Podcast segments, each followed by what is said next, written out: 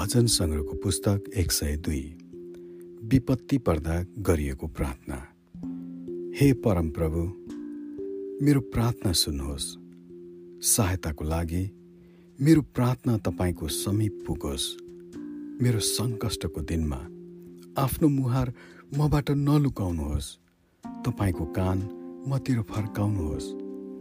मैले पुकारा गरेको दिन मलाई तुरुन्तै जवाफ दिनुहोस्।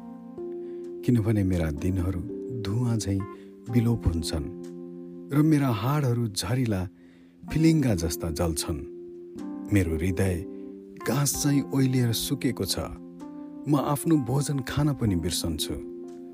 मेरो गहिरो आर्तनादले गर्दा म हाड र छाला भइसके मरुभूमिको लाटो कोसेरो जस्तै भइसके। भग्नावशेषमा बास गर्ने एउटा लाटो कोसेरो झैँ अनिन्द्राले गर्दा म जागा बस्छु। धुरी माथिको एक्लो चरो जस्तो भएको छु। मेरो शत्रुहरूले दिनभरि मेरो ठट्टा उडाउँछन्। मलाई दिल्लगीमा उडाउनेहरूले मेरो नाउँ शराबको रूपमा प्रयोग गर्छन्। किनकि म खरानी भोजन झैँ खान्छु र आँसु मिसिएको पानी पिउँछु।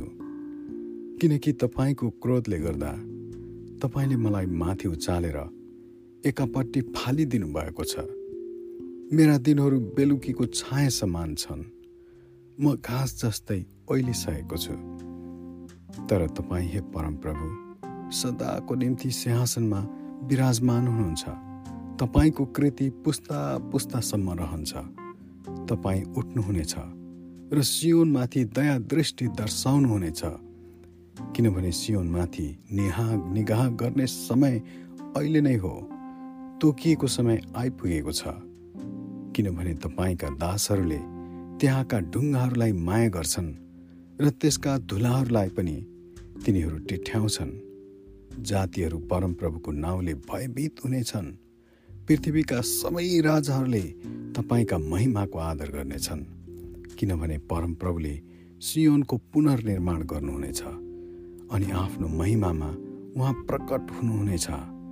उहाँले दिनहीनहरूको प्रार्थनाप्रति ध्यान दिनुहुन्छ। उहाँले तिनीहरूका निवेदनको उपेक्षा गर्नुहुन्न।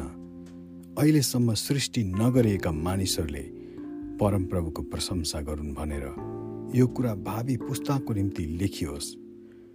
परमप्रभुले उच्च स्थानमा रहेको आफ्नो पवित्र स्थानबाट स्वर्गबाट तल पृथ्वीमाथि दृष्टिपात गर्नुभयो। यसरी कैदीहरूका आर्तनाद उहाँले सुन्न सकुन् र मृत्युदण्ड पाएकाहरूलाई मुक्त गर्न सकुन्। यसरी सियोनमा परमप्रभुका नाउँको वर्णन गरिनेछ र एरुसलेममा उहाँको प्रशंसा गरिनेछ। जब परमप्रभुको आराधना गर्नलाई मानिसहरू र राज्यहरू एकत्रित हुनेछन् उहाँले मेरो जीवन यात्रामै मेरो ताकत तोडिदिनु भयो र मेरो आयु घटाइदिनु भयो। यसैले मैले भने हे मेरा परमेश्वर मलाई अल्प आयुमा नै नलैजानुहोस् तपाईँका वर्षहरू त पुस्तौँसम्म रहन्छन्। आदिकालमा तपाईँले पृथ्वीको जग बसाल्नुभयो र स्वर्ग तपाईँकै बाहुलीको कृति हो।